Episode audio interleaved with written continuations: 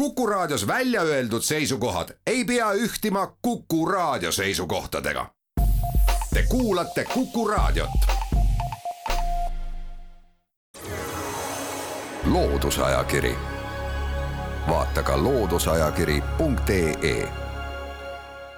tere kõigile teile, head Kuku raadio kuulajad! täna on Loodusajakirja raadiosaates külas Tartu Ülikooli Eesti ajaloo kaasprofessor Ago Pajur, tervist! tere! mina olen saatejuht Tiia Rööp meie kokkusaamise ajendiks on teie artikkel ajakirja Horisont jaanuari-veebruari numbris. selles te annate ülevaate Eesti majandusest aastatel tuhat üheksasada kakskümmend kuni tuhat üheksasada kakskümmend neli. see on hea kohane teema, millest rääkida Eesti Vabariigi aastapäeva järel. raadiokuulajate hulgas on kindlasti neid, kes mäletavad pöördelisi tuhande üheksasaja üheksakümnendaid aastaid, neid majanduslikke muutusi, mis siis toimusid kui ma teie artiklit lugesin, siis tekkis mul küll selline mõte, et see, mis toimus üheksakümnendatel, see oli üsna leebe võrreldes sellega, mis toimus tuhande üheksasaja kahekümnendate aastate alguses. kas see on loomulik, kui ühiskonnas toimuvad tohutu suured muutused, siis ka majanduses toimuvad sellised äkilised muutused? Küllap ta enamasti kipub nii olema, sest mida keerulisemad ajad ja, ja mida raskemad ajad, küllap see ju peab kuidagimoodi kajastuma ka majanduse arengus. aga mis puutub sellesse, et üheksakümnendate aastate algus oli lihtne, siis ma ei tea, kas sellest võib väga raadiokuulajatele rääkida, eriti neid, kes on need keerulised ajad äh, üle elanud ja läbi elanud, et neile ei pruugi see sugugi meeldida. aga tõepoolest, ma olen nõus, kahekümnendate aastate algus, äh, Vabadussõja järgne aeg oli kindlasti tunduvalt keerulisem ja, ja tunduvalt raskem üle elada. alates juba sellest, et et elatustase ühiskonnas tervikuna oli ju tunduvalt madalam kui siin ütleme siis kaheksakümnendate lõpus või üheksakümnendate alguses. Ja mis kõige tähtsam, ühiskonda olid raputanud ju väga rängad ja väga pikalt kestnud sündmused, kõigepealt Esimene maailmasõda, seejärel Vene revolutsioon, Saksa okupatsioon ja lõpuks veel ka Vabadussõda, nii et kuus aastat kestnud sõjategevus koos kõikide nende ühiskondlike vapustustega pidi paratamatult kaasa tooma ka majanduse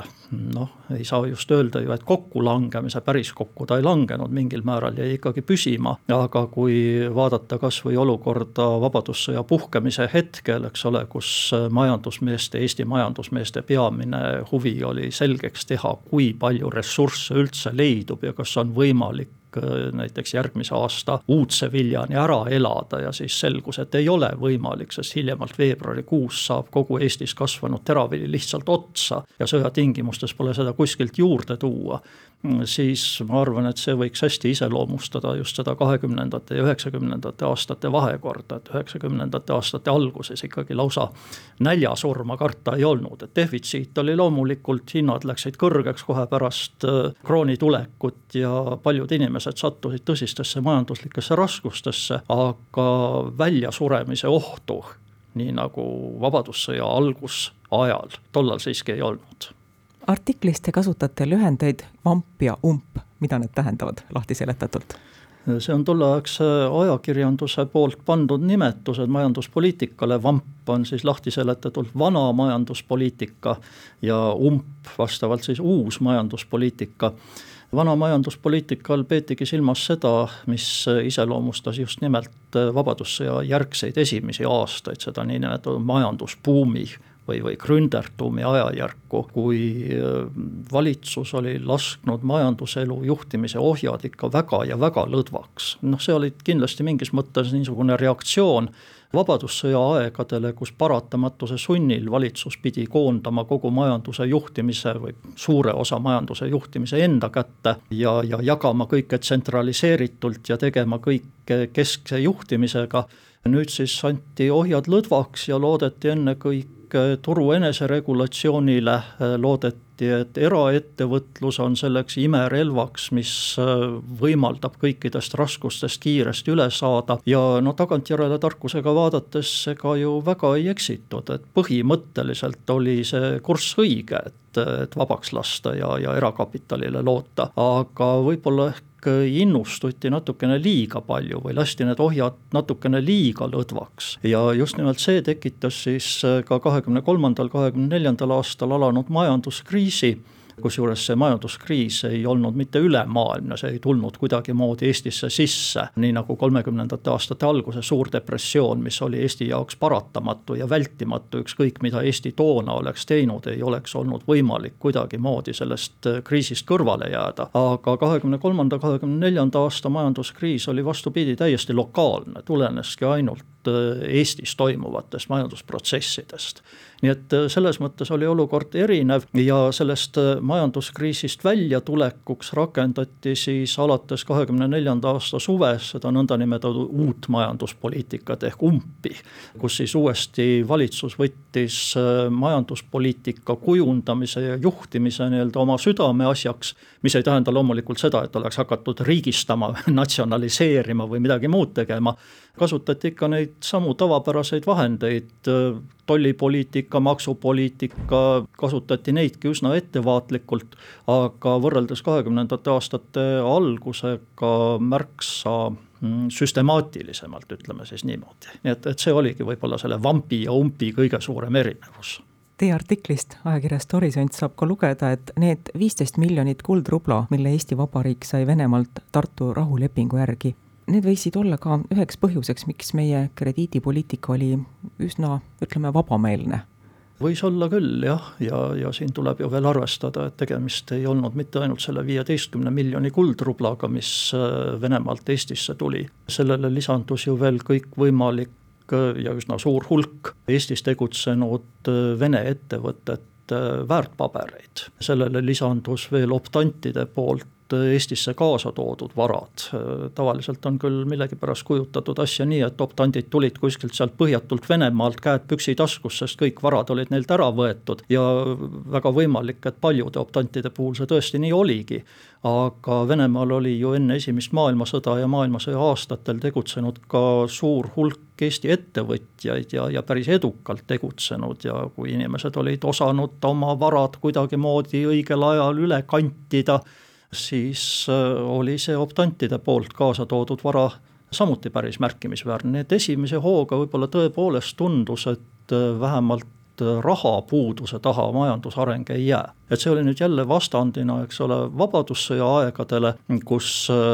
vähemalt sõja algusaastatel oli ju sõna otseses mõttes puudu ka sellest füüsilisest rahapaberist või, või müntidest, mida lihtsalt ei eksisteerinud. ja noh, küllap kõik need asjad kokku kokku tekitasidki sellise tunde, et äh, majandusse tuleb investeerida, majandus peab arenema ja kui see majandus areneb, küllap me siis saame üle ka kõikidest teistest probleemidest, sealhulgas sellest samast rahaprobleemist. ja veel tuleks rääkida ka varimajandusest ja kullapesust läbi Eesti varimajandus oli samuti kahekümnendate aastate alguses äh, vägagi levinud, et jah, kõige tuntum on see Vene kullapesu, mis tuletab jälle meelde alles meie hiljutisi skandaale siin Vene rahapesuga meie pankades. tollal äh, Vene raha ei olnud võimalik pesta, sellepärast et äh, Nõukogude Venemaal käibel olevad äh, rahamärgid, need nimetatud sovsnakid ei maksnud isegi Nõukogude Venemaal midagi ja, ja välismaal ammugi mitte, mitte keegi neid ei tahtnud isegi mitte makulatuurina kasutada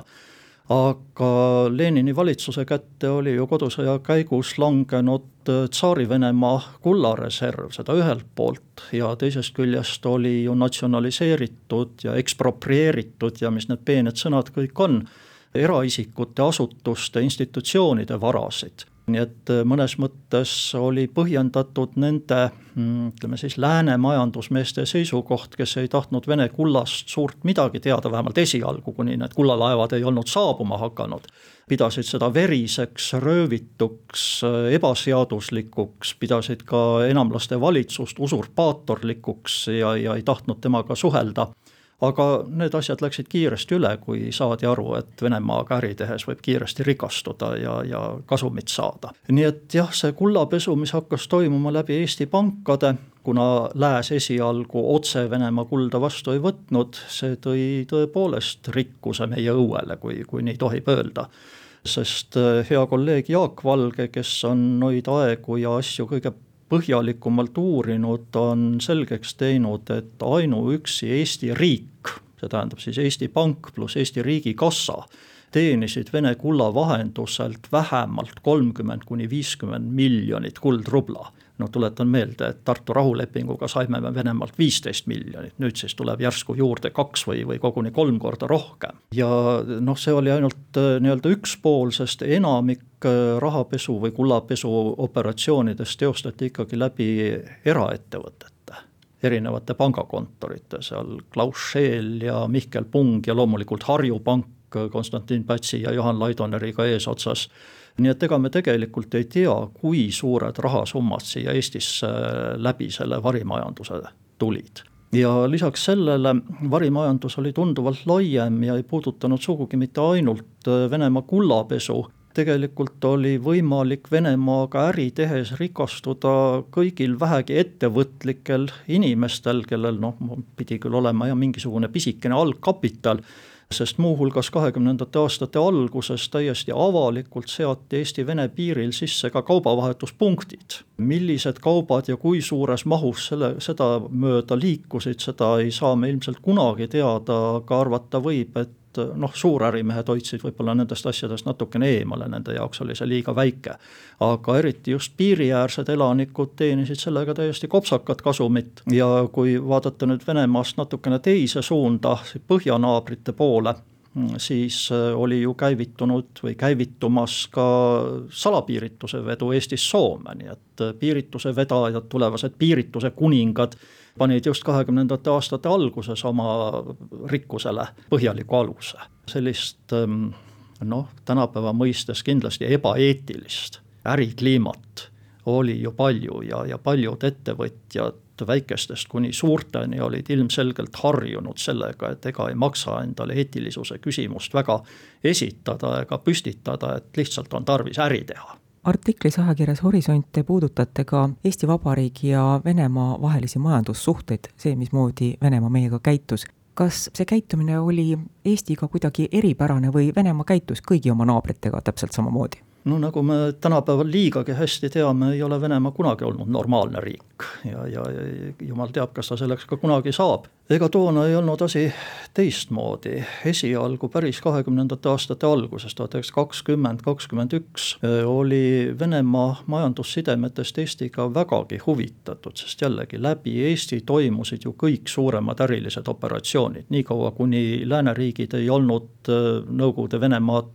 või, või tema enamlikku valitsust tunnustanud, nii kaua oli tarvis hädasti jällegi sellist akent Euroopasse, kust kaudu oleks siis võimalik kaupu sisse tuua ja oma verist kulda välja vedada. ja selleks sai just nimelt Eesti, et tuhande üheksasaja kahekümne teisel aastal oli lausa selline Vene kaupade transiidi kuldaeg. aga juba järgmisel aastal keerati järsku kraanid kinni täpselt samamoodi ka tööstuse arenguga. esialgu paistis, et Venemaaga majandussidemete arendamine toob ka Eesti tööstusele õitsengu õuele. noh, kõige tuntum on kindlasti see niinimetatud Sovpra-Omse leping, mille kohaselt Eesti masinaehitustehased said õiguse kapitaalselt remontida kakssada Venemaa raudteede vedurit kakssada vedurit, sellest arvestati, et vähemalt kümneks aastaks jätkub kogu Eesti masinaehitustööstusele tööd. mõned vedurid siia jõudsid, mõned remonditi ära ja siis keerati jälle järsku kraanid kinni. või ka see asjaolu, et kui tuhande üheksasaja kahekümne kolmandal aastal läks Venemaale veel kakskümmend kuus protsenti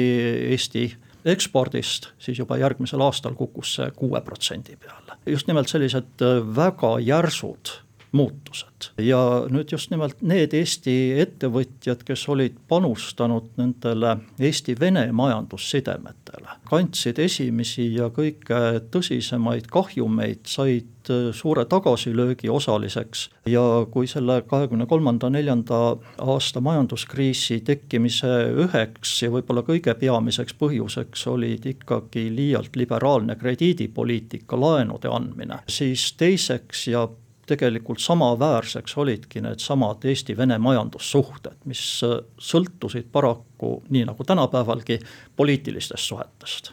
tuhande üheksasaja kahekümnendate alguses tekkis suur hulk uusi tööstusettevõtteid. kas sellest perioodist saame näiteid tuua, mõned ettevõtted, mis siis loodi ja mis tegutsevad siiamaale välja? No esimesena tuleb meelde kogu, kohe selline äh, magus ettevõte nagu praegune Kalev, äh, mis ju alustas tööd aktsiaseltsina Kave just nimelt kahekümnendate aastate alguses ja just nimelt nende Venemaalt tulnud optantide, Karl ja Kolla Velneri vendade ettevõttena samas äh, vahepeal on ikkagi väga palju aega mööda läinud ja väga palju pöördelisi sündmusi aset leidnud ja tänapäeval kindlaks teha, kus mõni praegu töötav ettevõte täpselt on oma alguse saanud, see on üsna tänamatu ettevõtmine, ilmselt võib neid äh, alguseid leida mitmest erinevast kohast, et et noh, seesama Kalev on ju ka vähemasti oma reklaamides tõmmanud äh, algusjoone juba palju varasemasse aega, eks ole, juba üheksateistkümnendasse sajandisse. aga üks terve tööstusharu, mis väärib kindlasti esiletõstmist ja mis sai alguse just nimelt kahekümnendate aastate esimesel poolel, oli muidugi meie viimasel ajal küll rohkem kirutud kui kiidetud põlevkivitööstus sest äh, esimesed põlevkivi katsekaevandamised algasid ju Esimese maailmasõja aastatel, aga siis nad jäidki sellisteks katselisteks. kahekümnendate aastate algus ja Eesti Vabariik andis sellele väga suure tõuke juba kas või seeläbi, et oli tarvis hädasti küttematerjale suur osa Eesti tööstusest oli ju tuginenud enne esimest maailmasõda sisseveetavale kivisööle, ükskõik, kas seda toodi siis Ukrainast või toodi Suurbritanniast või ka naftasaadustele, mis tulid siis jällegi kas Põhja-Kaukaasiast või, või kuskilt äh, kaugemalt lääne poolt, aga vast iseseisvunud väikeriigi ettevõtetele oli Suurbritanniast sisse veetavad kütused kohutavalt kallid, et ähvardasid ajada ettevõtted pankrotti ja sellises olukorras ei jäänudki midagi muud üle, kui hakata otsima kohapealseid alternatiive. Ja, ja just nimelt äh, esialgu päris põlevkivi, mida siis äh, lihtsalt ära kööti ja seejärel mõni aasta hiljem juba kõikvõimalike derivaatide, põlevkiviõli ja, ja kõige muu tootmine, mis läks ka paljuski käima noh, osalt jah, Eesti riigi investeeringute tulemusena, aga osalt ka tänu väliskapitali sissetoomisele, sest põlevkiviõlist olid toona huvitatud mitmed välisriigidki. aitäh, Tartu Ülikooli Eesti ajaloo kaasprofessor Ago Pajur selle intervjuu eest hea ülevaate majanduskriisist sajanditaguses Eestis saab huvi korral ajakirja Horisont jaanuari-veebruari numbrist Ago Pajuri artiklist. saatejuht Tiia Rööp tänab ka kõiki, kes kuulasid, jälle kuulmiseni! loodusajakiri, vaata ka looduseajakiri.ee